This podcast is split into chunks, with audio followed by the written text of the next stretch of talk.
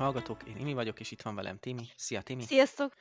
És mi vagyunk azok a fáradt és hihetetlen komoly arcok. Ma pedig arról fogunk beszélgetni, hogy milyen remek a gyerekvállalási kedv, és, és hogy ez egyébként hol vezet, és mennyire szeretnénk a továbbiakban ezzel foglalkozni, az összes közösségi médián is erről hallani mindent, hogy nekünk mindig gyereket kell szülni. Nekem is egyébként. Timi, neked is gyereket kell szülni? Persze, hát a helyem a konyhában van, meg egyébként így már négy gyereket kellett volna szülnöm, tehát 28 éves vagyok, most már így ezért ideje lenne.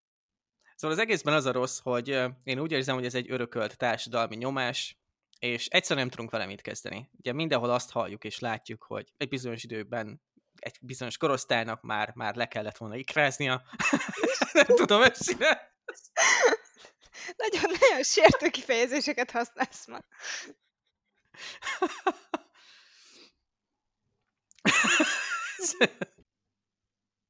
Aztán majd megnézheted magadat, hogy a, jön a, izé, azok az arcok Twitter handlejére a sok izé, komment, hogy mit képzelsz magadról? Hogy lehet így beszélni a gyerekesekről? És az a baj, teljesen megértem, csak hát pont ez a probléma, hogy, hogy valahol úgy érzem, hogy ennek, ennek az ilyen szintű, nem is tudom, szélsőséges gúnyolásnak helye van, mert, mert a másik oldalról legalább ekkora nyomást kapunk. Szóval az, hogy folyamatosan mindenhonnan, a szülőktől, a kormánytól, arról nem is beszélve, a reklámokon keresztül az jön le, hogy csak akkor vagy valaki, hogyha már egyrészt együtt élsz valakivel, ja, és az persze ellenkező nemű, és az nem ér, hogy te apacs helikopter vagy, tehát a férfi és nőnek kell együtt élni, és legalább kettő gyereket És nem van. ér, hogyha kettő, kettő kutyád van. Vagy kettő macska. És az nem ér. A macska, a macska nem, fogla, nem fontos, a kutya a hasznos állat, a macska az nem. Egyébként is ezt tudjuk. A gyereknél is azért kell kettő, mert, mert legalább tudják nevelni egymást, mert apuka és anyuka egyébként három munkát kell, hogy vállaljon azért, hogy el tudjanak tartani kettő gyereket, tehát ha ketten vannak, akkor tudnak egymásra vigyázni. Meg ketten egyébként Szerintem. nagyobb zaj tudnak csapni, meg hogyha elviszed őket a boltba, akkor legalább így több felé kell, hogy a figyelmed. De legalább több mindent tudnak összekapkodni, és lopnak is, így segítve egymást. Nem tudom, egyébként tényleg miért, miért kettő a standard? Bármint oké, okay, tudom a, a generációs nyomás rajta, vagy bármilyen hülyeséget, amit rá tudunk rakni, hogy egy, aki helyettesíti apa szerepét a társadalomba, a másik, aki helyettesíti anya szerepét a társadalomba, mármint mint humán erőforrás kvázi. Nem, szerintem ez inkább arra vezethető vissza, hogy, hogy nem lesz egyedül. Tehát, hogyha van egy testvéred, akkor így úgy érzed, hogy van egy játszótársad, van egy barátod, akkor így ott van valaki melletted, aki, aki így felnő melletted, és így játszhatsz vele mindig, nem vagy egyedül, jó, oké, ott vannak a szomszéd gyerekek, meg az iskolatársak, meg nem tudom, de hogy ez egy ilyen olyan, úgymond ilyen bizalmas viszony, vagy, vagy nem is tudom. Tehát, hogy kapsz egy ilyen társat a bajban, úgymond, egy testvérrel. Szóval én inkább azt mondom, hogy ez... A pluszba le lehet szarni, mert neked úgyis ott van egy tesód. Nem feltétlenül így mondanám, de, de igen. Aha. Jó, ez tetszik, ez tetszik ez, az elgondolás, tehát az olcsó barátok. Tehát nem veszünk egyet, neked nem csinálunk egyet. Tehát régebben ugye vettek neked, hogy hello, tessék, voltak különböző ilyen rabszolgatartó helyek, ahol te akartál barátokat, akkor vettek neked. Most, most igaziból csinálunk egyet, úgyis csak anyuka nyomja ki, aki meg konyhába tölti az életét. Úgyhogy szerintem, szerintem teljesen releváns. Oké, okay. ezt köszönjük beszélt. Nem, egyébként tudom, tudom, hogy ez sok, és annak ellenére, hogy megpróbálunk rajta röhögni, nagyon sokat gondolkoztunk rajta, hogy ebből a témából legyen valami. Valószínűleg egyébként nem fogjátok hallani, hogy már legalább 10 percnyi anyagot kivágtam abból, hogy most végig röhögjük ezt az egyébként kínos témát. Mert, mert egyszerűen nem tudunk máshogy hozzáállni. Az, hogy, az, hogy folyamatosan lenézik társadalmi szempontból, és, és egyénileg is, tehát nyilván magasabbról és, és individuálisan is érződik ez a nyomás. Azokat, akik nem vállalnak gyereket, nem akarnak gyereket vállalni, és mondjuk a következő tíz évüket egyedül képzelik el, az nagyon rossz. És egyébként ez olyan szinten kihat mondjuk mondjuk egy nem tudom, hétköznapi életre, hogy az egy dolog, hogy depresszióhoz vezet, mert nyilván tudjuk, hogy egy ilyen mennyiségű nyomás és egy folyamatos kényszercselekvés az, az mondjuk depresszióhoz vezet, de témi jelentkezik.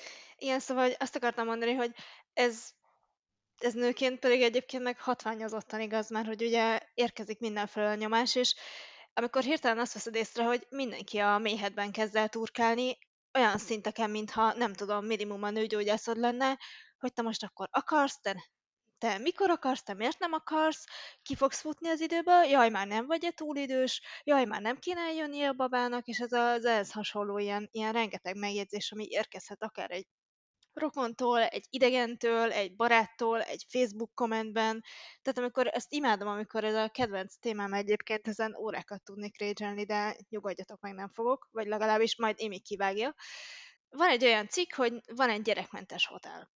És akkor így, így jönnek a felháborodott kommentek, hogy de mi az, hogy valaki olyat akar, hogy gyerekmentes hotel, és uram, bocsánat, nem tudom, pihenni szeretne. De én is olyat akarnék. Én is olyat akarnék, Persze. őszintén szólva. Egyetem. Vagy azt mondja, amikor ki, kijelentett, hogy te úgy érzed, hogy elég felelősen gondolkodsz ahhoz, vagy elég felelős vagy, és, és te nem szeretnél gyereket, és akkor jön a random Marika néni, meg a, a nem tudom kicsoda, random Facebook kommentelő, hogy hogy képzeled, mert hogy a gyerek az élet értelme is, és a nem tudom, és hogy nem is vagy ember, amíg nem szültél egyet, és, és ez is egy ilyen nagyon, nagyon, tehát ezt is lehetne boncolgatni még órákig, hogy hogy, hogy tényleg, tényleg nem vagy ember, hogyha nem szültél egy gyereket, vagy hogy tényleg ez az élet és igazából én, én úgy érzem, hogy, hogy ez is annyira emberfüggő. Tehát, hogy van, akinek ez az élete álma, hogy alapítson egy családot, van, akinek az az élete álma, hogy, hogy nem tudom, utazzon, vagy, vagy legyen egy olyan karrier, aminek a csúcsára érhet. Tehát, hogy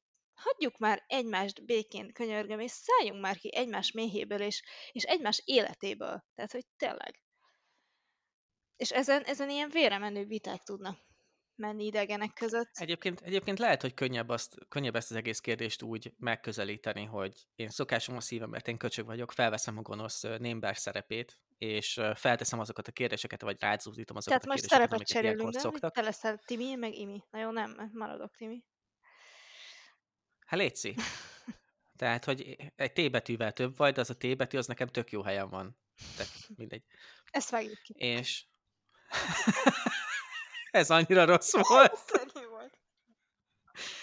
Szóval szerintem, szerintem csináljuk úgy, hogy én most tényleg felveszem ezt a köcsögimi szerepet, és azt mondom, hogy én leszek az, aki neked szegezi ezeket a hm. kérdéseket, amiket egyébként mondjuk a társadalomtól, vagy ilyen kedves cikkektől kapsz, és utána megpróbáljuk meg lebontani, hogy ez miért van, miért kérdés, egyébként ettől hogyan érzed magad, én hogyan érezném magam, ha nem tenném fel ezeket a kérdéseket, mert szerintem sokkal egyszerűbb lenne, ha nem baszogatnék ilyen kérdéseket, szerintem mindegy.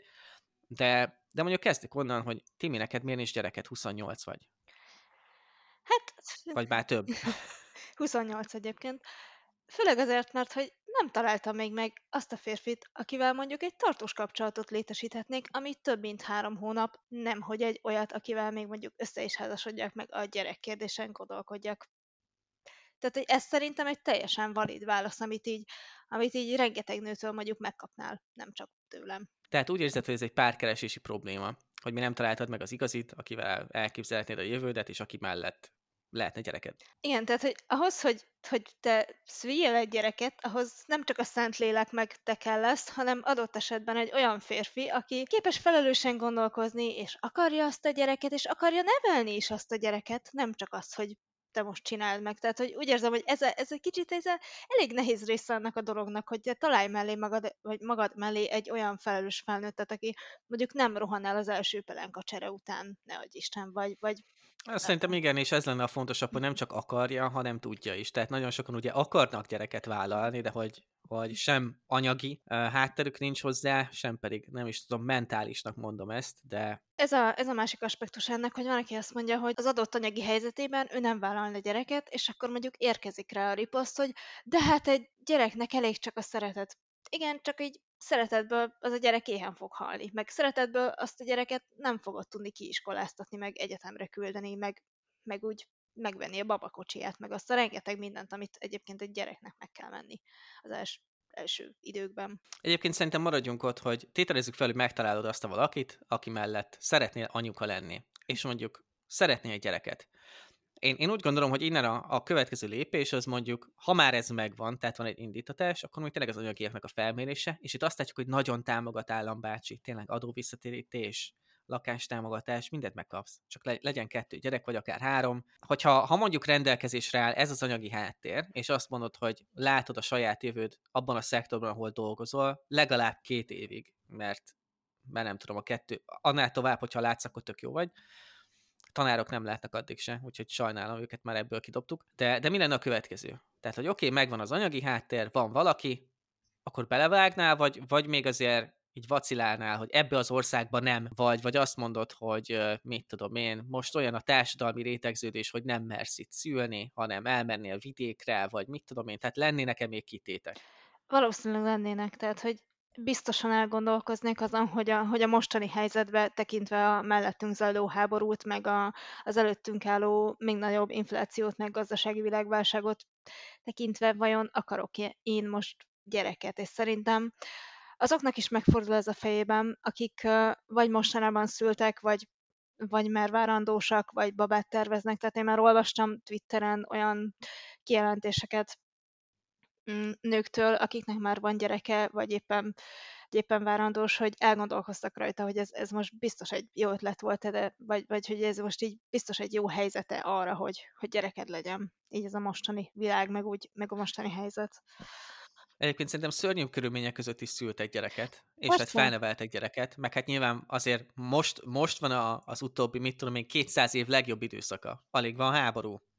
Sokkal jobban élünk, mint 200 éve, és nem pedig, mint tudjuk, 8 meg 12, meg lassan már több éve, hanem tényleg sokkal jobban élünk. Tehát életszínvonal változik, a, a, nálunk itt nincs háború. Én azt mondom, hogy a nem azt mondom, hogy közelben okés a helyzet, de azért, azért itt még nem, nem hiszem, hogy ez szegné a, a nemzési kedvet, és most redukáltam egy undorító biológiai kifejezésre, de mondjuk ki. És hát erre rá tudom vágni azt, hogy, hogy egyrészt fogy a jó magyar, ne haragudj, és hogy mindig lesz olyan körülmény, ami nem lesz tökéletes és nem lesz megfelelő. Szerinted lenne olyan, hogy tökéletes és megfelelő? Tehát nyilván most fel tudsz vázolni egy ilyen utopisztikus világot, amiben aztán bárki potyogtatni akar. Ugye tényleg ezt mondják, hogy, tehát, hogy mindig fogsz találni valami kifogást, hogy most miért nem, meg hogy most miért nem tökéletes arra az idő, de hogy én például nagyon szigorú lennék ezzel, és, és mondjuk egy albérletbe nem biztos, hogy bevállalnék egy gyereket, mert mi van, hogyha, hogyha azt mondja a tulaj, hogy bocs, így már nem akarom, mert utána nem tudlak titeket kirakni innen, vagy tehát, hogy de ezért támogat az állam. Tehát, hogy nyilván vegyél... E, ezt tudom, most nyilván még egyszer elmondom, hogy én vagyok a köcsög szerepben, tehát én vagyok, aki felteszi Igen, tehát, hogy ar- ne arra gondoljatok, hogy Imi tényleg ezt gondolja, meg ő, ő tényleg így gondolkozik, ő csak most így próbál egy kicsit szélsőségesebb gondolatokat így, így megvillantani, hogy picit így a mélyére menjünk ennek az egésznek. A köcsökség nem áll tőle messze, de ezt most, ez most tényleg nem, nem ennek tehetőbe. De azt szerintem teljesen jogos, hogy, hogy a mostani ingatlanpiaci helyzetben, és akár az ingatlan árakat, vagy a bérlés árakat nézzük, egyszerűen nem tudsz maga biztosan elképzelni sehol öt évet. Hogyha ha veszel egy lakást, akkor nem tudod, hogy be fog dőlni a piac, mert nem tudod, hogy akkor ezt el kell adni, mehetsz-e kisebbe. Ugye ezt különböző esetekben, hogyha állami támogatásra vettél lakást, akkor nem is biztos, hogy meg tudod tenni, vissza kell fizetni. Nem áll olyan stabil lábakon azért a magyar gazdaság, hogy bemer vállalni 20 évre hitelt, és majd tényleg az egy, az egy nagy lépés ma Magyarországon, hogy valaki 20 évre eladósodhat, vagy akár többre. Ergo kapsz a lakáshitelt. Nem mindenki kap. Nem mindenki tudja megengedni magának, hogy leteszi ezt az alapot. És azt mondom, hogy ha már, ha már eljutsz addig, hogy egyébként tudsz lakást venni, akkor valószínűleg nem az lesz a problémát, hogy abba gyereket képzelsz el, vagy nem. Legalábbis én így vagyok vele. Tehát ha, ha most meg tudsz engedni magadnak mondjuk egy 40 milliós lakást, akkor akkor valószínűleg azért meg tudsz engedni magad egy gyereket is. Igen, egyébként ez valószínűleg így van. Viszont... Ez valószínűleg, tehát most nem, nem, tehát nem, nem, nem, nem minden mhm. esetben, végre kinyögöm. Tehát nem minden esetben, tehát ezt tisztán látom, hogy ez így ez túl a általánosítás, de úgy gondolom, hogyha 40 milliós lakásra felmersz venni, racionális keretek között is végigláttad, hogy ez mivel jár az a 30 év, vagy akárhány év hitel, akkor valószínűleg beengedhetsz magadnak egy gyereket. Vagy azért, mert annyira vakmerő vagy, és ezt nagyon menő dolog tőle, de valószínűleg nem a gyerekkel kéne eljátszani, hogy vakmerő vagy.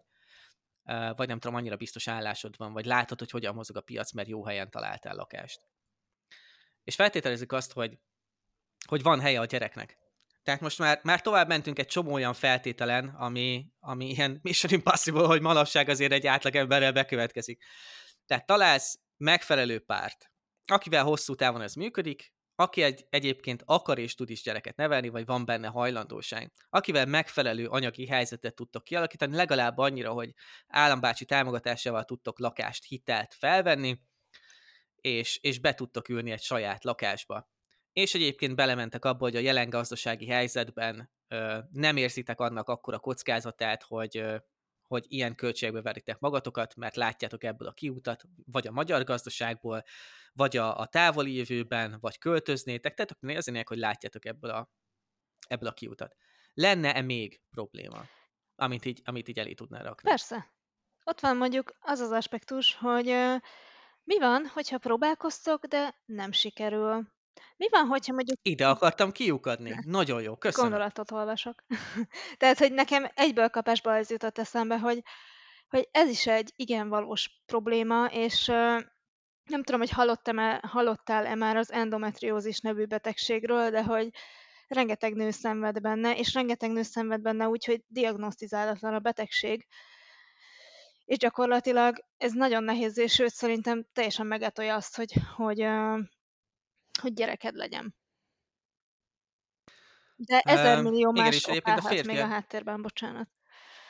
Igen, egyébként a, tehát a stresszfaktor is erre biztos, hogy közrejátszik, és nyilván a férfiaknak is egyre nagyobb százalékban van prostatától kezdve minden női problémája, ami mondjuk kihat a merevedésre, és kihat az utod nemzési képességre, tehát nem csak attól, hogy szerencsétlennek éppen nem áll föl, hanem ugye attól is függ, hogy milyen mennyiségű spermium száma van, és hogy azok mennyire termékenyek. És egyébként tényleg a férfi oldal is egy picit nehezedik ebben a szerepben. Ez, ez valahol egy neurológiai probléma is. Tehát nagyon sokat lehet hatni rá azzal, hogy folyamatos nyomás alatt vagyunk, és egy folyamatos stressz, és egy olyan cselekvési kényszer van, ami ellen nem tudsz tenni, amit nem tudsz megoldani. Tehát te most akármennyire is akarod, fölmehetsz a 12. társkereső oldalra, ha nincsen mákod, nem próbálkozol elég ideig, vagy nem veszed lejjebb a lécet, akkor lehet, hogy a következő x évben nem találsz olyan párt, és már egy első kapu meghiúsul. Másrészt ott van az, hogy mi van akkor, hogyha mondjuk a, a gyerek autista. Tudjuk jól, hogy a mai világban nagyon-nagyon nehéz elfogadni az embereket, hogyha mások. Tehát, hogy a gyerekek meg azért pláne hajlamosak arra, hogy gonoszak legyenek, és hogy kiközösítsenek maguk közül így embereket. És hogyha mondjuk egy gyerek autista, vagy nem tudom, bármilyen más betegségben szenved, ami, amitől más lesz, mint a többiek, akkor neki gyakorlatilag, tehát mi vár rá? Mert hogy lehet, hogy pont egy olyan közösségbe fog kerülni, ami nem annyira elfogadó, és mondjuk a, a szülők sem edukálják a gyereket, hogy igazából ő sem más, mint te, ő is ugyanolyan ember, és mondjuk kiközösítés része lesz, meg, meg zaklatás, meg bullying, meg, meg mindenféle. Tehát hogy szerintem ez is egy... Szerintem nagyon is, szerintem is nagyon benne van egyébként. Főként azért tegyük mellé, Magyarországon élünk ahol, ahol mindennapos a rasszizmus, és mindennapos az, hogy elnyomunk nőket, népcsoportokat, embercsoportokat, csak azért, mert más a véleményük, és nem is kell mondjuk az, hogy, hogy mások legyenek mondjuk fizikálisan, elég, ha más a vélemény, onnantól mert aztán emberileg le vagy írva. Ha nő vagy, akkor még rosszabb, ha szivárványos zászlód van, még rosszabb, ha meleg vagy, meg valami hasonló, akkor aztán már, már tök mindegy, hogy mit mondasz akkor sem, vagy ember számban nézve. Tehát egy ilyen, egy ilyen átlag közegből úgy, hogy a dolgozói réteg, aki tényleg azt mondjuk, hogy a, a munka, munka oroszlán részét végzi, és a gyerekekkel foglalkoznak, tehát a tanárok, orvosok, nem is tudom még itt, tűzoltókat nem mondom meg a rendőröket, mert ők között azért nem foglalkoznak vele, de hogy ez a kettő csoport egyébként is borzasztóan terhelt. És a, a gyerekek az idejük nagy részét itt töltik, itt fognak szocializálódni. Ha ez a réteg terhelt, stresszes, nem tud figyelni a gyerekekre, anyuci apuci az jóval több munkahelyen dolgozik, és jóval nagyobb stressznek és nyomásnak van kitéve, akkor nem fognak tudni, hogy gyereket nevelni és szerintem is ez egy, tehát ez itthon nagy probléma. Itthon nem tud egy ember egyedül gyereket nevelni. Most felhoznám mondjuk Finnországot példának, vagy tényleg valamelyik nagyon távol északi országot, ott azért jóval jobb a helyzet. Ha meglátsz egy-két képet arra, hogy hogyan tartották a távolságot az utcán és a busz megállóban ezek az emberek, hát rácsodálkozol, hogy mi meg, mi meg nyilván nem tudtunk ilyet. Tehát jóval nagyobb gyerekvállalási kedv van egy olyan országban, ahol ezeket a feltételeket látod, ahol azt mondod, hogy figyelnek egymásra az emberek, ahol befogadóbbak az emberek, ahol tudod, hogyha valami baj lesz a gyereknek, és nem is kell egyébként, hogy ez egy betegség legyen. Nem is kell lesz, hogy nem is tudom, tényleg valami fizikális, lehet félkézzel születik, vagy mit, nem kell, hogy ilyen problémája legyen. Elég az, hogyha ő a pónikat szereti az autók helyett, és ő pónival akar játszani. És tudod, hogy ezt Magyarországon kikezdik, mert nem egy befogadó a társadalom, már ezek a közösségek sem. És, és én ebben is látom valóban a, ennek a hátulütőjét, és nekem is csökkenteni egyébként a gyerekvállalási kedvem. Én nyilván jelen esetben annyival vagyok könnyebb helyzetben, én vagyok a köcsög, meg nem azt mondom, hogy nekem csak megcsinálni kell, de, de kilenc hónapig én kávézok, teázok és olvasgatok meg elmegyek egyszer-kétszer tréningre. Tehát nem az én hasam növekszik, nem az én testi adottságaim csökkennek, nem, nem változik annyira a testem, mint Egyébként mint egy ezt nőnek. akartam kérdezni, egy picit visszakanyarodva erre, hogy te férfiként mondjuk mennyire érzed, érzed ezt a nyomást, hogy neked már kellene, hogy legyen gyereked, vagy hogy szerinted mennyire mennyire valid az, hogy, hogy ezt a férfiak is megkapják, vagy hogy érted, hogy mire akarok kiukadni. Tehát, hogy ez ja, úgy érzem, hogy inkább női, de hogy, hogy ez férfi oldalról, ez mennyire van jelen? Mint elvárás. Szerintem borzasztóan, főként egyébként ez a, tényleg ez az örökölt, ez a fentről jövő nyomás, hogy kell gyerek, mert ugye régebben az volt a kiút egy, egy, egy szegénységi szituációból, kapta rá szocpolt, meg nem tudom, ez az egyik része. A másrészt mindig segítettek a házban, meg mit tudom én, tehát volt egy ilyen része is, úgyhogy van egy ilyen tényleg örökölt, csak azért maradt fönn ez a nyomás, mert mindenki azt mondta a szüleinknek, meg az őszüleik, meg az őéknek, és hogy kell a gyerek, a gyerek jó. Senki nem tudta megmagyarázni miért, és mindig bullshit mondta. És ez nyilván ránk is öröklődik. Most annyival vagyunk rosszabb helyzetben szerintem ebből a szempontból, hogy, hogy azt mondják, hogy ránk marad a kezdeményezés. Tehát, hogy nem igaz, hogy nem tudtál elcsípni egy lányt. Tehát, hogyha ha nő vagy, akkor igaziból ott van egy ilyen kis várakozó szerep, hogy találnod kell valakit, de igaziból rátalálnak. Tehát te elhagyod a kis keszkenődet, és valaki felveszi, de azt valakinek fel kell venni. Viszont a férfiaknak mindig megközelíteni őt. És akkor hát már megint nem mész el otthonról, már megint olvasol a számítógép előtt ülsz, hogy ez milyen izé, miért nem mész csajozni, unokát akarok. És nyilván ennek a, a, a nem is tudom, akármilyen kulturális közegben elfajzott mondandónak a variánsait halljuk naponta. És nem tudok hozzátenni semmit az előzőhöz. Majd Nekem kivágom. igazából még ezzel kapcsolatosan is lenne kérdésem, hogy uh, ugye ezt jobbára, tehát megkapod a családtól is. Szülőktől, nagyszülőktől, rokonoktól, stb. Hogy szerinted mennyire lehet edukálni mondjuk a, a saját családodat, vagy a saját szüleidet, vagy mennyire lehet őket érzékenyíteni, hogy, hogy ez egy olyan téma, ami, amiben lehet, hogy ők jót akarnak, csak nem feltétlenül úgy közelítik meg, és nem feltétlenül úgy szólnak hozzá, hogy ez neked ne, ne essen rosszul, vagy ne bántson meg mondjuk. Ez nagyon emberi dolog. Szerintem ez nagyon gyerekszülő kapcsolatán függ, de, de én úgy érzem, hogy, hogy valamelyes nem lehet. És ezt két okból mondom. Az egyik az, hogy az emberek idősödnek. Tehát most egy anya-gyerek kapcsolatáról beszélünk, vagy egy apa-gyerek kapcsolatáról, vagy egy mamáról éppen. Ha megbeszéled velük szépen, és, és ők meglátnak egy szép fiút, szép kislányt a, a tévében, akkor neki kell az unoka, neki hiányzik a saját fiatalságuk, és a saját gyerekkorukat akarják benned is újraélni, meg az unokákban is újraélni. Tehát én azt mondom, hogy ezekről lehet beszélgetni, hogy figyelj, ez rossz, ezt nem, de utána, utána magadban kell ezeket tisztázni, hogy leszarom. Ezt mondtad, engem nem érdekel, én hm. más vagyok, és ott elvágsz egy vezetéket, és onnantól nem foglalkozol vele, onnantól suket fülek vannak. Legalábbis csak így tudom elképzelni. Máshogy nagyon, nagyon küzdelmes az egész, és tényleg egy olyan szituációban vagyunk, ahol mondjuk a korombelieknek a kis százaléka engedheti meg, hogy elköltözön otthonról, vagy a korodbelieknek. Tehát van egy ilyen óriási probléma, tehát nem tudod azt megtenni, hogy anyukus, vagy apukus, tehát ez nem a te mm. dolgod, mert, mert van onnan egy nyomás. De nem is feltétlenül nem is feltétlenül úgy válaszolni egy kus, hanem hogy tényleg leülni, hogy figyelj, ne haragudj, de ahogy és ahogy ezt mondod, vagy ahogy ezt kérdezed, vagy ahogy ezt kommunikálod, az engem bánt.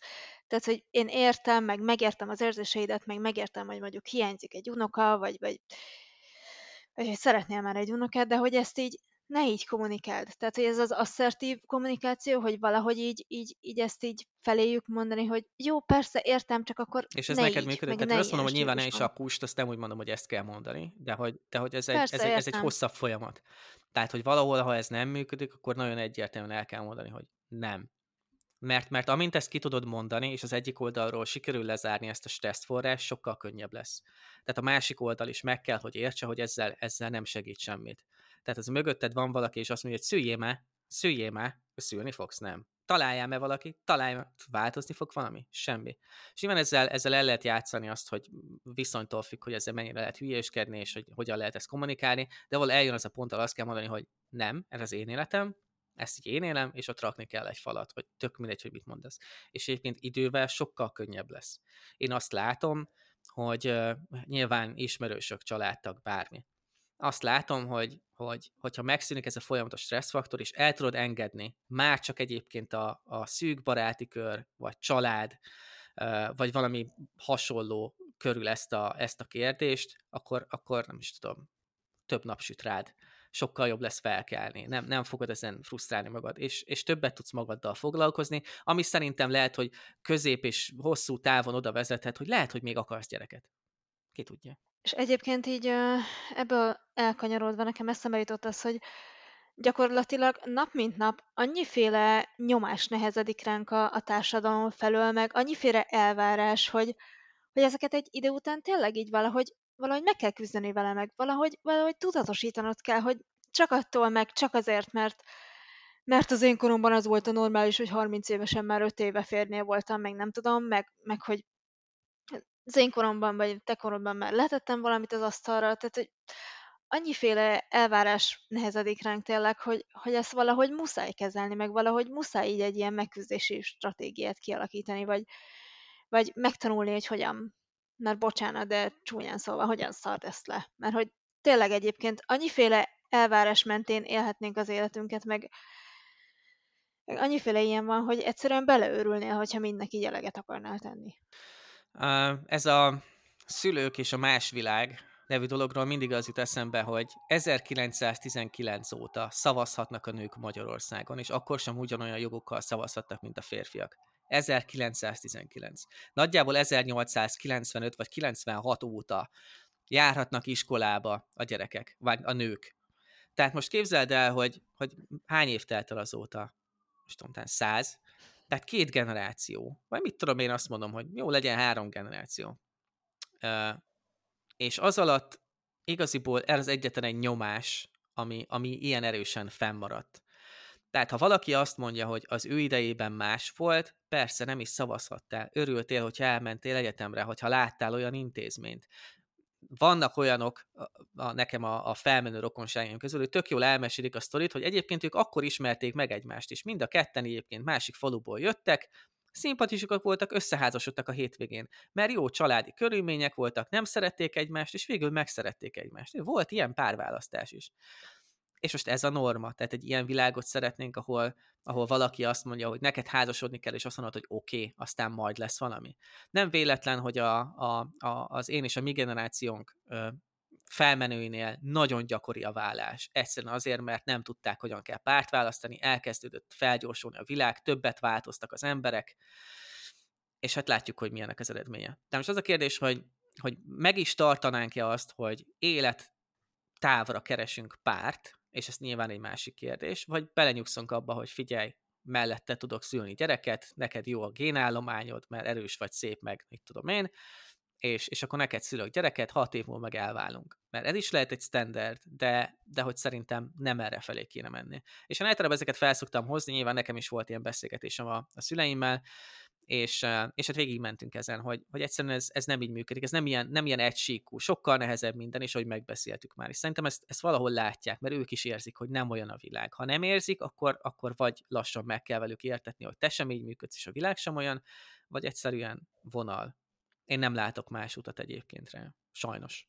Nem, és egyébként én azt veszem észre, hogy, hogy rengeteg olyan házasság van, ahová mondjuk születik gyerek, de egy a férfi vagy nem volt rá felkészülve, vagy a nő nem volt rá felkészülve, vagy, vagy nem tudom, tehát hogy annyi olyan sztorit olvasok, hogy, hogy megszületett a gyerek és szétment a házasság, vagy hogy... Vagy hogy azzal akarták fixálni a házasságot olyan, olyan házas... a gyerekkel. Vagy azzal, igen, tehát hogy olyan házasságba született a gyerek, ahova eleve már nem szabad volna vállalni, mert iszik a férfi, és mondjuk már elcsattant pár pofon, tehát hogy egyszerűen annyira elképesztő sztorikat olvasok, és annyira elképesztő történeteket látok, hogy ez most már tényleg nem annyira fajék egyszerű, hogy ó, oh, hát ott a Józsi, neki tök jó családi körülményei vannak, tök jó pár lenne, igaz, hogy nem szeretem, majd lehet, hogy megszeretem, de szülök neki egy gyereket, tök jó biztosítva van a jövőm. Tehát, hogy Persze, van... de, de ugye tehát, én, én mindig azt mondom, hogy az ő szemszögükből ez tök jó, mert végben igaza volt. Amikor 50 éves korukig éltek az emberek, aztán 16 meg 18 évesen már házasodtak. Tehát azért a, a kedvenc költőink azok 16 évesekhez írták a szerelmes leveleket, meg 14. Biztos, hogy nem véletlen egyébként, tehát tök mindegy. De, de hogy azt látjuk, hogy akkor más volt az, hogy egy életre választasz párt. Máshogy teltek a napjaid, és most tényleg, tényleg felgyorsult minden. Tehát ha azt látod, hogy te most 30 embert, de egy perc alatt meg tudsz nézni Tinderen, és meg tudod nézni a fotóit, és el tudod dönteni, hogy ő szimpatikus vagy nem. Tehát ez már egy akkora ugrás az előzőekhez képest, amit, amit nem tudtak elképzelni. Ebből jogosan mondhatnánk azt a következtetést, hogy hát de akkor most nem könnyebb pár találni? Meg nem könnyebb ez az egész? Hát ott van előtted az egész félvilág, vagy fél Budapest. Szerintem pont nem. Szerintem Tudom, hogy nem. nem. Tehát én is azt mondanám, hogy pont nem, de hogy... Pont, de, de nem, nem, mond, nem minden azért, mert nagyobb a választék. Inkább azért, mert más lett a választási alap. Tehát mivel nagyobb a választék, így minden, tehát ránézel, nem tudom, száz sonkára, és most nem a férfi kolbászra gondolok, hát tényleg ránézel száz sonkára, és többet agyalsz azon, hogy melyiket fogod megvenni, mert melyik az egészségesebb, melyik a jobb, hány százaléka, ennyibe kerül, bla bla bla, mint hogyha ott lenne előtted kettő és abból a kettőből kell választanod. És hogy egyik részről régebben ott volt a kell választanod, mert ott az volt a kiút valamiből, mert úgy tudtál építkezni, előre menni, csinálni valamit, és ott megvolt a férfinak a szerepe, és megvolt a nőnek a szerepe. És ezt erőltettük. És erre volt egy társadalmi nyomás is, amit akkor is nyomott a politika, akkor is nyomott a minden. Ugye mondtam, 1919 óta szavazhatnak a nők, addig kus volt. Nem csináltál semmit. Volt szavazati jogod, nem volt kétszer annyi, kétszer annyi normának kellett megfelelni egy szavazati joggal rendelkező nőnek, vagy egy nőnek, amíg szavazati jogot nem kap, mint egy férfinak. Nevetséges dolgok voltak egyébként. Tehát mindegy, egy ilyen, egy ilyen világban megvan mindenkinek a, a pozíciója. Most tökörülök neki, hogy már nincsenek erősen itt ezek a szerepek, de pont ezért kéne eltörölni azt, hogy neked minek kell megfelelni, hogy neked kell egy feleség, neked kell egy férj, neked az a család, hogy anya meg apa, meg gyerek, mert így visszatoljuk a társadalmat abba a korszakba, amit én azt hittem, hogy már elfelejtünk és el akarunk felejteni, hogy a nőnek és a férfinek ilyen társadalmi és evolúciós szerepe van. Mert ezek szerintem redukálhatóak evolúciós szereple, és abban tök igaza van a bárkinek, hogy ebben az evolúciós szerepben a férfi elmegy vadászni, mehe kell, ő az izmosabb, tesztoszteron, hurrá, meg sikerül gyereket nemzeni, az asszony meg gyereket nevel, és őrzi a tüzet. Nagyjából ez evolúció szerep. A kettőből összerakunk egy következő generációt, aki jobb lesz, mint az előző. De, de menjünk már el ettől könyörgöm. Tehát ne, ne sodorjuk vissza ezt az országot, és egyszerűen az emberek fejében ezt a, tudom, ezt a képet. Ez borzasztó. És egyébként így az is érdekelne, hogy, hogy mi ez a késztetés, ami, ami valakit arra sarkal, hogy egyre kevesebben vagyunk, de hogy te ezt így nem veheted a válladra, hogy úristen el fog fogyni Magyarország, és akkor én most nekiállok cseszegetni a random Facebook komment előtt, hogy de te miért nem akar gyereket. Tehát, hogy ez, ez engem úgy érdekelne, hogy ez így miért alakult ki az emberekben, hogy egymást... Ez, ez ugyanaz a nyomásnak a továbbítása, amit ők mm. is kaptak, szerintem. Tehát érted, most mindenki utál ja, politikailag valakit, mert azt látod a plakátokon, és akarva akaratlanul elkezded. Tehát uh, én, én ehhez tudnám hasonlítani. Mm. Másrészt tényleg e, ez egyszerűen egy, egy, ilyen, egy ilyen örökölt nyomás. Tehát ha, ha te megszoktad az gyereknek, hogy mindig meg kell lenni mindent a tányérról, akkor azt vagy annyira megutálod, hogy, hogy megpróbálod tőle távol tartani magad, vagy a, vagy a gyereked, az ismerőseidet, vagy egyszerűen észreveszed magadról, hogy előjön, és megtartod, és valaki eltanulja, és így tovább fogod adni. Van, ahogy egyébként szerintem ez nem tudatos. Én is, én is egyébként szeretnék gyereket, az tök jó lenne, hogyha lenne gyerekem, de nem ez a minden áron, nem erőltetném, és semmiképpen nem akarnám, hogy más azért akarjon gyereket, mert én azt mondom, hogy az tök jó. És erről megint eszembe jutott valami, a másik, másik kedvenc témám, hogy mit gondolsz arról, amikor valaki ellenévként azzal pattint le, mondjuk egy, egy gyerekes kérdésben, tehát volt azt hiszem tavaly az a kitörő vita a Twitterem, hogy szabad-e bevinni a gyereket a boltba, vagy szabad-e odaadni neki a kiflit, amíg nem lett kifizetve, stb. És, és a kedvencem, amikor valaki így azzal jött, hogy de te ebben ne szólj bele, amíg nincsen gyereked. Pont. Tehát, hogy ez, ez, ez nagyon, milyen? Ez nagyon diszkriminatív és gusztustalan, tehát egészen addig ne legyen véleményed valamiről, amíg nem születtél bele, vagy nem vagy benne. Én ezért ítélem el is, el is egyébként a, az abortusszal kapcsolatos dolgot, tehát attól, attól eltekintve, hogy nekem most van-e méhem, vagy nincsen, mert lehet, hogy összehozza még az orvostudomány, hogy nekem is lehet, és betefészkem, és ki tudja. De, de attól még lehet róla véleményem. Az egy más kérdés, hogy ennek másmilyen súlya van, és úgy kell értelmezni, hogy én ebbe csak valamilyen közvetett módon lehetek benne, de ettől függetlenül van véleményem. Attól, hogy nem vagyok szakács, még el tudom dönteni, hogy amit elém raktak leves, az jó-e vagy nem. Attól egyébként, hogy valaki bunkon viselkedik, és én nem vagyok abban az élethelyzetben, meg tudom ítélni azt, hogy ez bunkó-e vagy nem, az más kérdés, hogy nekem a, a kontextusra is figyelemmel kell lennem, és szerintem úgy, itt ugyanerről van szó. Tehát én értem azt, hogy nekem nincs gyerekem, és nem tudom milyen, ettől függetlenül még azért na. Tehát van egy, van egy határ, amit én elvárok másoktól, és ők is elvárnak tőlem nagyon, nagyon szélsőséges irányba el tud menni ez az egész, és, és nem is tudok belemenni, és nem is akarok belemenni, mert, mert tényleg tehát van, egy, van egy másik része is. Mi az, hogy nem sírhat a gyerek éjszaka? Hát most született szerencsétlen, tehát hogy most tanul levegőt venni, meg mit tudom én, bármi más csinálni, sírni fog az a gyerek éjszaka. Nem fogom miatta áthúzni a szobát, nem tudom, három rétegű, 12 mm-es zajszűrő bármicsodával, mert akkor már nem fogom hallani, hogy sír a gyerek, mert akkor más problémák lesznek. Tehát, hogy vannak olyan dolgok, amiket egyszerűen ki kell bírni azért, mert van gyerek. És vannak olyan nevelési dolgok, amiket, tehát a, a körülményeket fel kell venni, és, és ezekkel mindenkinek meg kell küzdeni és nem, nem akarok ebbe belemenni, szerintem mind a két oldalnak igaza van, elvárható egy bizonyos viselkedési norma a szülők részéről, amivel megpróbálják féken tartani a gyereket, de ugye láttuk azt, hogy ez bizonyos körülmények között átmegy ö, agresszív viselkedésre, tehát az, hogy nekem ne kiabálja ott le a gyereket azért, mert túródulit szeretne. Tehát, tehát azt így ne, ne, ne, ne nyakalja meg ott előttem, hogy ő szeretne egy túrólit. Inkább megveszem neki basszus. Tehát értem, hogy az is rossz, de ne menjen át abba a túloldalra, hogy mert égeted anyukát, és akkor hm. inkább felpofozlak. És ez is egy... Nem tudom, te ezt hogy látod egyébként, vagy te hogy oldanád föl? Nem tudom, mert pont ezen gondolkozom, hogy hogy a fenébe lehetne azt elérni, hogy ez a két tábor ne cincálja szét egymást állandóan. Tehát, hogy te ne szólj bele, mert, mert nincs gyereked, te meg izé ne sírasd a gyereket a bolt közepén, meg ne, ne hagyd, hogy hisztizzen, meg a földhöz magát. Tehát ez, ez egy nagyon nehéz kérdés, hogy hogy a fenébe lehetne ezt a két tábor kicsit közelebb hozni egymáshoz, és nem is úgy közelebb hozni egymáshoz, hanem hogy ne legyen ez egy állandó ilyen harci helyzet, meg, meg vitatárgya, meg, meg ilyen hatalmas veszekedések tárgya. Nem tudom. Én, én úgy gondolom, hogy mindig lesznek ilyen, ilyen nézeteltérések, és szerintem csak a társadalom az, aki ettől megment minket. Persze, de, nyilván, de csak hogy fog. ez már annyira szélsőséges formát öltött szerintem a...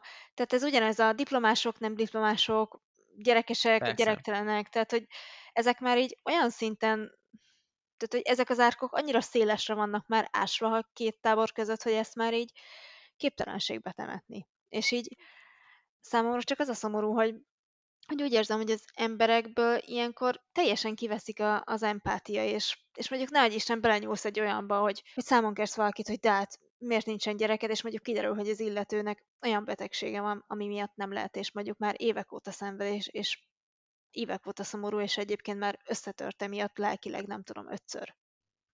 Tehát, hogy néha Ú, ez annyira, így, igen, ez így nehéz kérdés, igen. igen annyira értem. jó lenne, ha az emberek egy picit így, kicsit több empátiával közelítenének a másik felé, vagy legalábbis csak úgy próbálnák meg a kommunikálni, amit kommunikálni szeretnének, hogy, hogy belegondolni, hogy mi van, hogyha hogyha te beletalálsz valami olyanba. Az nagyon nagy effort. Tehát most én, én pont azt látom, hogy, és tényleg ezt az országot kell felhoznom példának. Tehát ha, ha neked például nem lehet gyereked, és, és megkérdezik azt, hogy, hogy hogy nem vállaltál gyereket, akkor mivel ez egy olyan közeg, te ezt támadásnak fogod fel, és a másik oldal is valószínűleg a bármilyen reakciódat, ha megsértődsz rajta, vagy hogyha azt mondod, hogy mert nem akartam, azt fogja ő is támadásnak felfogni. Mert egyszerűen ez egy ilyen közeg. Tehát itt, hogyha te megkérdezik tőled, hogy miért nem vállalt a gyereket, és tényleg van valami probléma, és azt mondod, hogy ne haragudj, én betegség miatt nem vállalhatok, akkor a másik azt mondja, hogy akkor nem fogadsz örökbe? Tehát, De egyébként ezt mindig... el kell mondanod? Tehát, hogy, hogy nem, nem, csak egy, csak egy példát mondom. Nem, nem kell elmondani, tudom, tudom, csak hogy, csak hogy ez annyira, tehát hogy nincs jogod ahhoz, hogy, hogy valakitől ezt megkérdezd úgy, úgy unblock, szerintem. És, és valakinek teljes joga van ahhoz, hogy mondjuk ne mondja el neked azt, hogy hogy ő nem vállalhat gyereket, mert nem tud, mert nem akar, mert nem tudom. Tehát, hogy, hogy eleve szerintem én nem szeretném ezt, ne, mm. én nem szeretnék elmenni abba, hogy ez is egy, nem akarom hópihe kérdésnek mondani, mert nagyon sok helyen használják, nem is tudom, degradálják ezt a kérdést és ezt a jelzőt. Tehát ez nem azt jelenti, hogy, hogy mindenem meg kell sértődni, de hogy nem akarok ebből a kérdésből olyat csinálni, mm. hogy miért van rajtad szoknya, meg miért vagy szemüveges, meg mit tudom én, miért van rajtad ilyen kokárda, meg ilyen kitűző, meg tehát ne, ne akarjunk minden sértésnek felfogni. Van olyan helyzet, amikor ezt meg lehet kérdezni, mert azt látod valakin, hogy epekedve nézi a gyerek, gyerekeket, és nem tudom, és ott van melletted, és jaj, de jó, integet neki, hadd ne Mhm. kérdeznek. Nem lehet ezeket általánosan mondani. Vannak olyan helyzetek, ahol meg lehet kérdezni, és vannak olyanok, ahol, ahol nem lehet. Alapvetően meg ugye ma egyébként a mai társadalom, és főként Magyarországon nem kérdezheted meg azt a nőtől azt, hogy érte valamihez, vagy tud-e kávét csinálni, vagy tud-e főzni, és ugyanezt a férfitól sem kérdezheted meg. Ez egy ilyen double standard dolog, tudom, és majd biztos vagyok benne, hogy ebbe is belemegyünk, és hogy nem kérdezheted meg azt, hogy miért, miért nem akar gyereket. És ez körülményektől függetlenül nem kérdezheted meg tőle. És szerintem ez seggfelség. Tehát van olyan körülmény, ahol ezt meg lehet kérdezni, és van olyan körülmény, ahol ezek teljesen jogos kérdések. És nem akarom azt hallani, hogy nincsen jogod megkérdezni. Miért nincsen? De nem azt mondom, hogy, hogy egyáltalán nincsen jogod megkérdezni, hanem hogy, hogy tényleg van az a helyzet, amikor mondjuk egy teljes vadidegenként nem kérhetett számon egy má- nem kérhet számon egy másik vadidegent, hogy de miért nem. Tehát, hogy én is ezt mondom, hogy, hogy mérlegeljük már a, a helyzet súlyát, hogy, hogy most ezt így megteltem, vagy nem teltem meg. Mert persze természetesen más az, amikor egy barátoddal beszélsz, vagy, vagy egy közeli ismerősöddel, vagy olyannal, aki, akivel bizalmasabb a viszony. Meg más az, amikor, amikor egy random idegent akarsz kérdőre vonni emiatt. Egyetértek, egyetértek, abszolút kontextus függő. Én csak nem akarom, nem akarom ezt egy elhatároló kérdésnek tenni. De belevágtam egy, egy teljesen más Twitter bugyorba, és egy másik Twitter mélységbe, amikor lemertem írni azt, hogy egy, egy meetupon megkérdeztem valakit, hogy ő HRS-e, kiderült, hogy az egyébként csak nő volt, és hogy ilyet nem kérdeztetek meg, hogy a HRS, mert lehetett volna programozó is. És persze csak úgy viselkedett, és gyűjtötte ott a, nem tudom, akármit. Ez is, ez is ugyanolyan, hogy miért, miért ne lehetne olyan kontextus, hogy megkérdezem-e vagy sem. Miért nem fogadjuk el azt, hogy igen, lehet, hogy félreértelmezett valamit. Igen, lehet, hogy ő seggfej, de harapjuk le a fejét, tehát az első reakció, hogy kinyírunk valakit azért, mert feltette egy rossz kérdést. Nem, nem, ez szerintem baromi rossz irány. Tehát amit te is mondtál, hogy, hogy most már annyira, nem is tudom, triggerelődve vannak az emberek, hogy, hogy már egy egyszerű kérdést is néha támadásnak élsz meg, és te is támadással válaszolsz rá, mert azt gondolod, hogy támadásból tették fel, Igen. holott az egész egy teljesen normális kommunikáció lenne. Tehát, hogy ez egy megint egy ilyen nagyon elrontott helyzet, hogy, hogy sok mindent már ténylegesen támadásnak veszünk meg, élünk meg, főleg mondjuk egy Facebook kommentben, ami, aminél ugye nem látod a, a hangsúlyt Én írásban. teljesen egyetértek. Főként, főként azzal is védhetem az egészet, hogy most itt volt a Covid. Most nyilván azért felnőtt egy generáció, vagy befejezte az életemet úgy valaki, hogy, hogy kvázi alig volt a barátaival együtt, vagy a kolesztársaival, vagy mit, ez az időszak teljesen kimaradt neki. És azt szerintem ebből nagyon nehéz szocializálni. Főként azok, akik, akiknek az volt a hétköznapi menet, hogy random emberekkel beszélgetnek munkahelyen, olyan helyzetben, olyan körülmények között. Tehát nekik azért most csökkent a, nem is tudom, szociális képességük, vagy nem fejlődött ki annyira, vagy feszültebbek ilyenkor, vagy kevésbé feszültek, tehát mindenkiben azért egy jóval nagyobb indulat és, és másmilyen érzelmek uralkodnak. Nyilván ezt meg kell tanulni kezelni, meg valószínűleg azért terheltek a pszichológusok Magyarországon, mert ezzel azért foglalkoznak eleget, valószínűleg nekünk is kéne amúgy jó téma. De de, de tök egyetértek, hogy egyébként lehet ezeket úgy kezelni, ezeket a kérdéseket, hogy ne támadó jellegűen fogjuk fel, és ne akarjuk megölni a másikat. Ebben egyébként én is hibás vagyok, tehát én is sokszor megyek bele olyanokba, amiben nem kéne, mert azt látom, hogy valaki cincálja ezt a dolgot, és rászólok, és én is folytatom, ahelyett, hogy befejezzem, és nem tudom. És nyilván mióta nekem egyébként az ukrán háború volt, ami nagyon, nagyon betett, és utána elhatároztam, hogy nem, hát nem, nem fogom ezt a gyűlöletet továbbvinni. Tehát azóta olyan higgadsággal tudok letolni valamit, hogy csak kész. És én is meglepődök magamon. De nyilván, nyilván ezt akarni kell, ezt észre kell venni, hogy oké, okay, itt most sok voltam, most máshogy kell cselekedni, és, és azután egyszerűen váltani kell. De ezt nagyon nehéz egyébként észrevenni, tehát hogy ez a legnehezebb része, hogy, hogy így belásd azt, hogy oké, okay, itt félrement a, a kommunikáció, és akkor most így mi ment félre? Most így rajtam, rajta, mind a kettőnkön, tehát hogy most nekem kéne finomodni, meg, meg nekem kellene kevesebb indulatot belevinni, meg kevesebb személyes dolgot, mert egyébként én úgy érzem, hogy hogyha valami olyan témát hozol fel, vagy olyan témában nyilvánítasz véleményt, amiben mondjuk az adott ember így megszólítva érzi magát, és ezt egyébként magamon is észrevettem sokszor, akkor így egy kicsit hajlamosabb hevesen reagálni az ember, hiszen így megszólítva érzed magad. Tehát mondjuk valaki azt mondja, hogy tegyük fel most csak egy nagyon-nagyon szélsőséges példa, hogy az összes irodai munkás, aki home office-ban dolgozik, ez egy naplopó. Mert hogy nem csinálnak semmit, csak ott ülnek a gép előtt, és da, da, da, ismerjük. De igaz. És olyankor... Bocs, igen, ne haragudj. És hogyha mondjuk te home office-ból dolgozol, akkor alapvetően megszólítva érzed magad, mert hogy olyan, mintha kicsit rólad is szólna ez az egész. És ez az, ami nagyon nehéz, és ezt mondom, ezt magamon is észrevettem, hogy ezeket ne húzzuk magukra, magunkra. Tehát, hogy ha valaki kijelent valamit egy bizonyos társadalmi csoportról, vagy, vagy akármiről, hogy akkor azt így ne húzd magadra, még akkor se, hogyha kicsit, nagyon érintett vagy benne. Ez és, szerintem, és, és itt most elő kell hoznom a double standard és férfiak példát, ez a tipikus, hogy minden férfi seggfej, és ugye ebből is volt egy Twitter rage hullám, vagy nem is tudom, jó pár ilyen flame, ahol, ahol a férfiakat általánosítva lehúztuk valaminek, és egyébként ezt nem tudom, olyan emberek tették, akik megkérdőjelezhető személyiségek. Um, majd utána ezen kiakadtak férfiak, akik úgy gondolták, hogy nem olyanok, aztán bebizonyították, hogy olyanok. És nyilván nőkkel is volt ilyen. De egyébként tehát ez, ez, tényleg egy, egy teljesen, teljesen átlagos jelenség. Én szóval azt akartam kérdezni, egyébként ezt nem lehetne úgy kezelni, hogy, tehát, hogy amikor valaki kirohan egy ilyen, ilyen felindulással, hogy minden férfi egy fej, akkor így hátralépni kettőt, és mondjuk megnézni ezt, hogy lehet, hogy ő ezt most azért írta ki, mert mondjuk volt egy rossz randia, és, vagy csalódott valakiben, és ő most csak az adott pillanatnyi felindulás miatt írta ki ezt, mert mondjuk ki akarta adni ezt a feszültséget, azt a stresszt. És igen, nem ez a legjobb módja annak, hogy kiírod Twitterre, hogy minden férfisek fej, mert nyilván egy hatalmas flémet fogsz generálni belőle, és mindenki ott lesz, hogy de én nem is vagyok seggfej, most te miért vagy ilyen szararc, hogy, hogy minden férfit egy kalap alá veszel. Tehát, hogy csak ilyenkor körbe kell nézni. Ott van igen, az az egyik igen, oldal, körbe hogy... kell nézni. De igen. ilyenkor ez tényleg nehéz, tehát ezt tényleg adom, hogy ez nem is feltétlenül empátia kell. Nem tudom, nyilván empátia kell hozzá. De, de, itt, de itt kell egy, de itt kell az azért egy, egy igazság. És azért ez tök érdekes, hogy pont mi mondjuk, és ha visszagondolok, mit tudom én, pár hónappal ezelőtt, akkor neked is volt jó pár ilyen kirohanásod, és mondjuk nekem sem nekem sem volt üres a Twitter fala, mondjuk akkor szerencsére lakat alatt voltam, tehát nem látta senki, most meg remélem töröltem, mert úgyhogy ne nézzétek meg, köszi.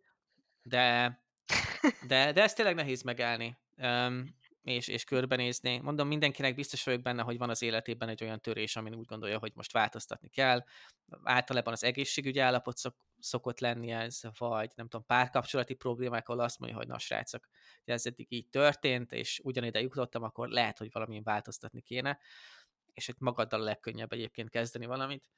Um, tehát biztos, hogy ezeket lehet kezelni. Az, hogy az a megatartás, ami most általában, és csak, csak a gyerekvállalásról beszélünk, és csak arról, hogy, hogy az abortuszt hogyan kezelik emberek, ha csak ezt a két kérdést pikkeljük, akkor is nagyon megosztó az, hogy milyen vehemenciával reagálnak az emberek, és mennyire hirtelenek, és hogyan sértegetik a másikat, és utána mibe kötnek bele. Szerintem, szerintem is körbe kéne nézni de egy-két karakterből, 160-ból, akár egy blogbejegyzésből, és akár egy könyvből, vagy akár egy személyes ismerős uh, ismeretség alapján sem lehet ezt egyértelműen eldönteni.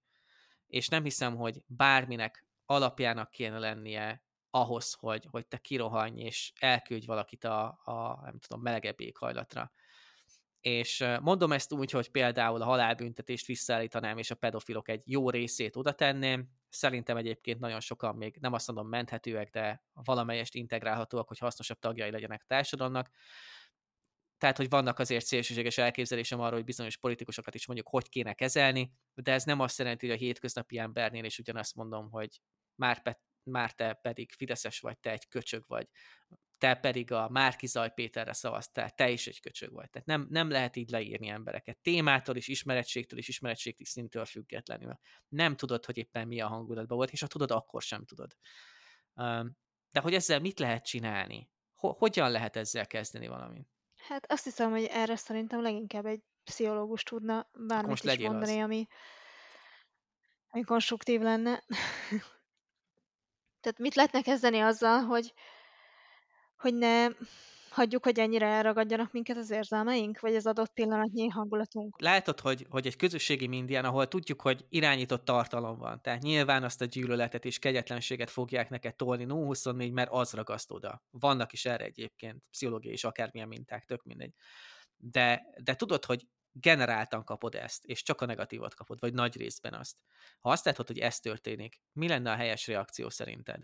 Kirohanások sora, támadják egymást. Egyrészt emberek. talán azzal kezdeni mindenkinek egyéni szinten, hogy megválogatni, hogy mi az, amit követsz, mert hogy ugye ez a guilty pleasure, ez, ez nagyon megy, hogy hát igazából én utálom, amit csinál, meg, meg úgy nem tudok vele azonosulni, de követem, mert hogy úgy mégiscsak úgy nem tudom, jó katasztrófa turistáskodni. Tehát, hogy itt talán el lehetne kezdeni a folyamatot, hogy akkor így szépen kövest ki azokat a fiókokat, akár Twitteren, akár Facebookon, vagy akár Instagramon, akikkel úgy nem értesz egyet igazán. Vagy, vagy úgy érzed, hogy ő ostoba és hülye, és, és nem tudsz vele azonosulni. És csak így felbosszant.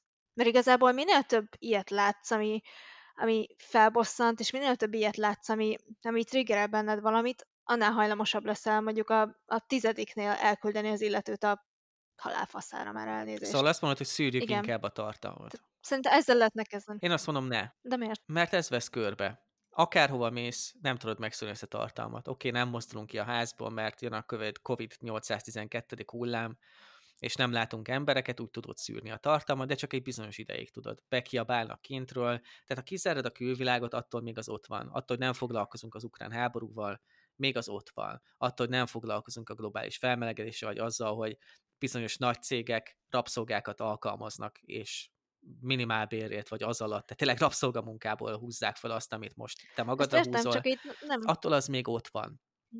És ezeket, ezeket kezelni kell, tehát, hogy ezt nem, nem, nem teheted meg azt, hogy elkezded kizárni ezeket, mert ha mindent megszűrsz, akkor egyre kisebb lesz az, amit beengedsz, és lehet, hogy hm. végül nem fogsz tudni beengedni semmit. Ezt értem, csak hogy nem olyan szinten gondoltam, hogy akkor most így, így zárt ki magad a világból, és, és akkor így semmi ne jusson el hozzád, hanem hogy tényleg, tehát hogyha mondjuk én azt látnám a te Twittereden folyamatosan, hogy, hogy olyan tartalmakat tolsz, meg olyan véleményed van, amivel nem tudok azonosulni, és mondjuk minden második tweeted olyan mértékben repíti a vérnyomásomat az egekbe, hogy legszívesebben beírnám neked, hogy ne haragudj ide, menj már a fenébe, akkor így lehet, hogy ez érdemesebb volna a helyet, hogy, hogy mondjuk letámadnálak egy, egy random tweetben, mondjuk kikövetni téged.